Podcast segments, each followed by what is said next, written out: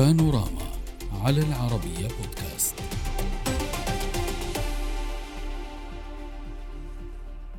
قرار وزراء الخارجية العرب بعودة سوريا إلى مقعدها بجامعة الدول العربية نال انتقادا من الولايات المتحدة الأمريكية التي أوضحت أن دمشق لا تستحق هذه الخطوة.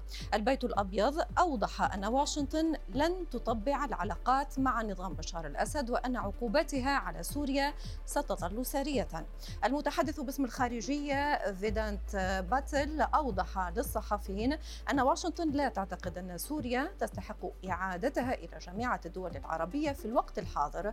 موضحا أن بلاده تعتقد أن الشركاء العرب يعتزمون استخدام التواصل المباشر مع الأسد للضغط من أجل حل الأزمة السورية. مضيفا أن واشنطن تتفق مع حلفائها على الأهداف النهائية لهذا القرار.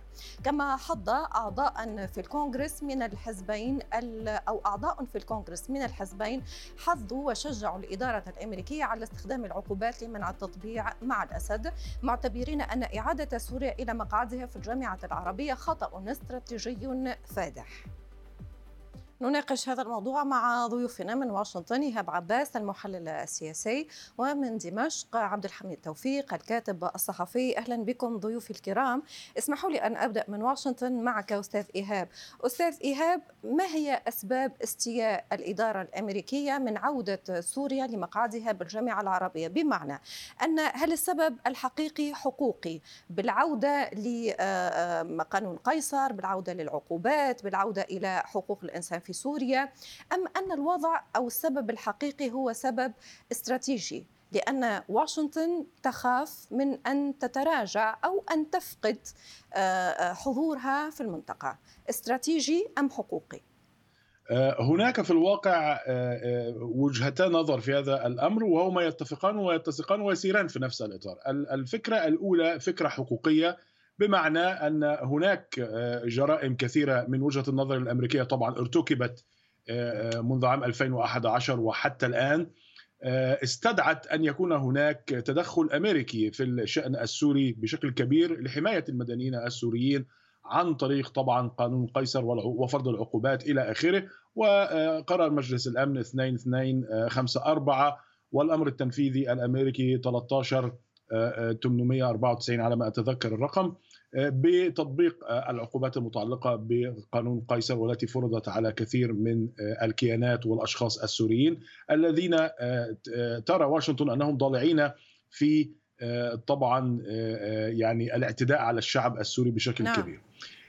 هذا جانب، الجانب الآخر وهو المتعلق أيضا بفكرة الاستراتيجية، الأمن القومي الأمريكي وهذا إجابة للسؤال النصف السؤال الثاني لحضرتك بمعنى أن واشنطن اليوم وطبقا لقانون قيصر مثلا آه، يسمح للرئيس الأمريكي أن يرفع العقوبات مباشرة عن سوريا وعن كل من يتعامل مع سوريا عن النظام السوري يعني في حال إذا ما رأى الرئيس الأمريكي مباشرة أن هناك آه، آه، اتجاه إيجابي من الحكومة السورية الحالية لحل الأزمة التي هي حادثة هناك بالشكل السياسي والدبلوماسي طبقا لقرار مجلس الأمن الذي ذكرناه قبل قليل وطبقا لما يراعي آه، آه، مصالح الأمن القومي الأمريكي. صحيح يعني ولكن قد يقول لك بعضهم أستاذ إيهاب ما هذا يأتي في إطار تراجع النفوذ الأمريكي؟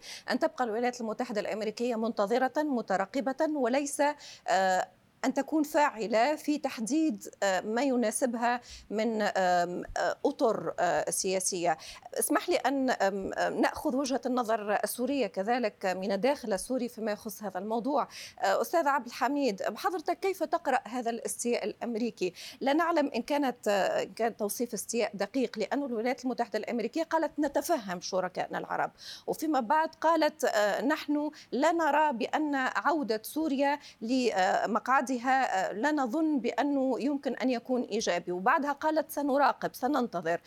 ما الذي توده واشنطن من هذه التصريحات؟ آه، أعتقد أنا من هنا من دمشق بأن الاستياء الأمريكي هو الطبيعي، الاستثناء كان أن تقول أن تقول الولايات المتحدة الأمريكية نحن ندعم شركائنا بحدود معينة، وبالتالي التاريخ العلاقات السورية الأمريكية قبل 2011 لم يكن أيضا ايجابيا كما آه، في غيره من العلاقات بين الدول. الذي يبدو من آه، موقف الولايات المتحدة الأمريكية وفي قراءة أولية أنه موقف متخبط، يقولون من ناحية بأنهم هم يراقبون ما يحدث ويقولون من ناحية أخرى لن نطبع ويقولون بأننا ناقشنا هذه الخطوات مع شركائنا في المنطقة، أريد أن أشير إلى أن الولايات المتحدة الأمريكية في الموضوع السوري تحديدا هو عنوان لها في استراتيجيتها وفي مناطق نفوذها الحيوية في منطقة الشرق الأوسط عموما، حين أقدم الجانب التركي على خطواته بالتوجه إلى سوريا وهو العضو الأطلسي وهو الحليف للولايات المتحدة الأمريكية نعم. وإلى ما هنالك لم تتمكن الولايات المتحدة الأمريكية من ثنيه الجانب من ثني الجانب التركي عن التوجه بحثا عن مصالحه فيما يتعلق بسوريا وبما يتعلق بأمنه القومي، اليوم العرب حين ناقشوا منذ أن حمل الملك الأردني قبل أكثر من عام خطة الخطة الأردنية أو المبادرة الأردنية. إلى الولايات المتحدة الأمريكية ومن ثم إلى موسكو أيضا، لماذا لم يمنع الجانب العربي من هذا التوجه نعم. ما أريد قوله هو أن اليوم مجمل التحولات في المنطقة تشي بأن الولايات المتحدة الأمريكية ومن خلال السلوكيات والخيارات المستقلة التي أبدتها بعض العواصم العربية ليس باتجاه سوريا بل قبل ذلك باتجاه خياراتها السياسية المستقلة بعلاقاتها الدولية والاقتصادية والسياسية وتأثيرها ونفوذها لم تعد الولايات المتحدة الأمريكية قادرة على وضع الخطو... وضع خطوط الحمر وتنفيذها باتجاه شركائها وحلفائها بعد أن تأكدوا بأن الشريك الأمريكي شريك غير أمين غير مطمئن. اسمح لي أن انقل هذه النقطة الاستاذ آه، إيهاب. أستاذ إيهاب ضيفي استمعت له يقول بأنه لم تعد واشنطن كما كانت لم تعد تضع خطوط حمر لم تعد تفرض آه، لأنه هناك أزمة ثقة وحضرتك تعلم بأنه هناك إدارات تتالت وهناك ملفات وهناك بعض الاستفهامات حول المواقف الأمريكية في السنوات السابقة كلها آه، فهل هناك تخبط في الإدارة في هذه الإدارة أم أن هناك فعلا كما يقول ضيفي تراجع نفوذ أمريكي في المنطقة؟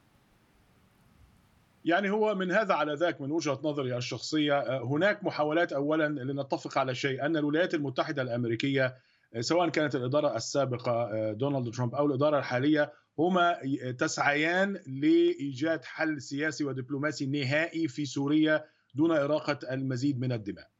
آه، وهم آه، الإدارات أو هما الإدارتان تعتقدان أن تطبيق قانون قيصر يتسق مع قرار مجلس الأمن 2254 وأن المخاوف الأمريكية المتعلقة باستمرار نظام بشار الأسد بالتعاون مع مع روسيا وإيران يشكل تهديدا للأمن القومي الأمريكي طبعا بجانب آه، ما بني عليه قانون قيصر من الاعتداءات على المواطنين السوريين بالشكل الذي صورت معه طبعا أكثر من 60 ألف صورة وتم بناء عليها صور تعذيب إلى آخره نعم. وتم استصدار قانون قيصر فبالتالي واشنطن تسير في, في اتجاهين الاتجاه الحقوقي والاتجاه المتعلق بمخاوفها الاستراتيجية من. تنامي النفوذ ولكن أستاذ إيهاب نعم ولكن أستاذ إيهاب طالما تحدثت حضرتك وذكرنا منذ البداية قانون قيصر طيب خلينا ندخل مثلا بطريقة عملية كيف ستتعامل واشنطن مع عودة سوريا لمقعدها في الجامعة العربية نحن لدينا قانون قيصر وقانون قيصر ترتبت عليه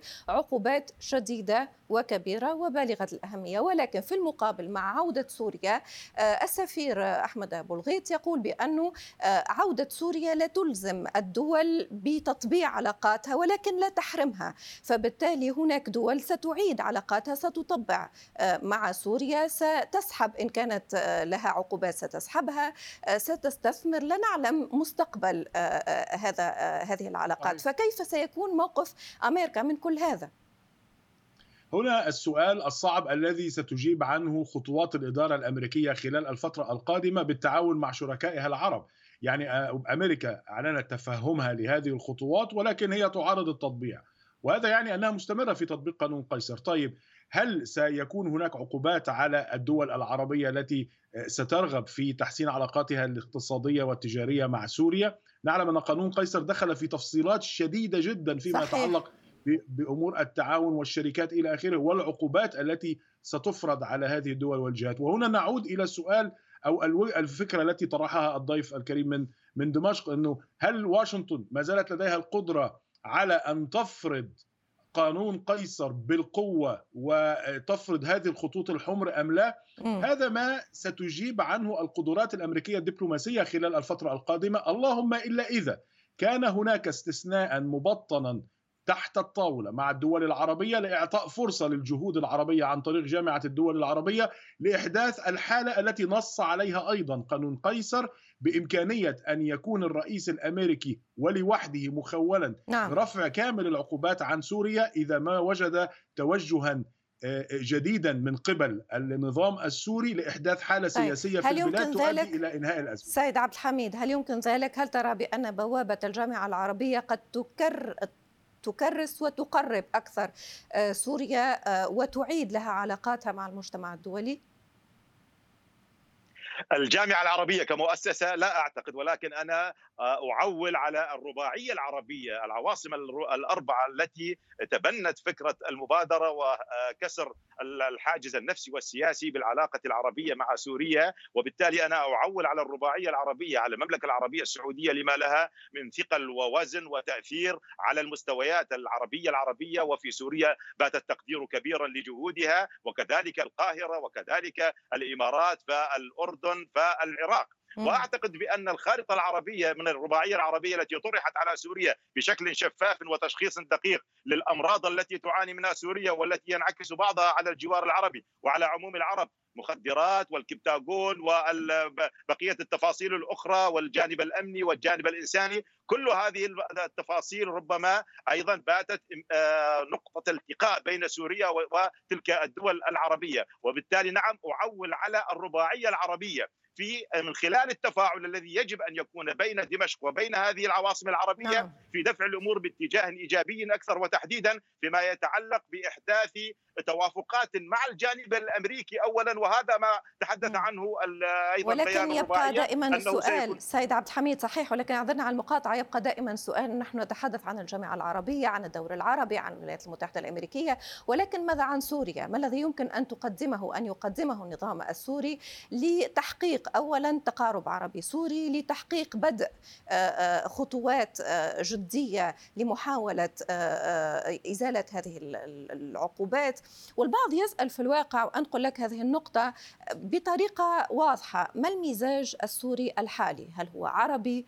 هل هو روسي؟ هل هو إيراني؟ النظام السوري الآن يميل أو بوصلته بأي اتجاه تحديدا؟ إذا تحدثنا عن سوريا كاوساط عامة شعبية إعلامية إلى هنالك أنا أستطيع أن أجزم بأنها ميالة إلى الحاضنة العربية وربما أحدث هذا التقارب العربي كثيرا من الأمل والتفاؤل في الأوساط عامة وبما فيها مؤسسة الرئاسة السورية ومؤسسة القيادة السورية لما يعني ذلك من أن العامل العربي يمكن أن يكون عاملا تحفيزيا عاملا مشجعا عاملا مطمئنا لسوريا دولة وشعبا. هذا جانب. الجانب الآخر في آه، سؤالك الذي تفضلت به عن أنا أميز بين ما هو المطلوب وماذا يجب أن تقوم به تقوم به سوريا، أنا أعتقد بأن المطلوب من سوريا هي عناوين أساسية وأعتقد أن الاجتماعات التي تطورت وصولا إلى إعادة سوريا إلى مقعدها في الجامعة العربية آه، لم تكن تحدث لو لم يكن هناك استجابة سورية نعم. وأجوبة سورية واضحة سلمت إلى الجانب العربي عن طريق وزير الخارجية السوري. وبالتالي كان ربما الترجمة العملية الأولى لهذه التفاهمات ما حدث فجر أمس بالغارة التي قيل إنها أردنية على أكبر معمل وأكبر مهرب كبتاغون ومخدرات نعم. على الحدود السورية الأردنية في الجنوب، بالتالي أستطيع القول ما هو مطلوب من سوريا حقيقة شكرا. هو عباره عن خارطة طريق واضحة نعم. ولا ولا ولا تحتاج إلى كثير جهد واعتقد بأن بناء الثقة يحتاج إلى ثنائية مشتركة من سوريا ومن العرب على حد سواء. للنقاش دائما بقية والأكيد بأننا سنكون أمام هذا الموضوع بتفاصيل أخرى. أود شكركم جزيل الشكر من واشنطن إيهاب عباس المحلل السياسي ومن دمشق عبد الحميد توفيق الكاتب الصحفي. شكرا لكم.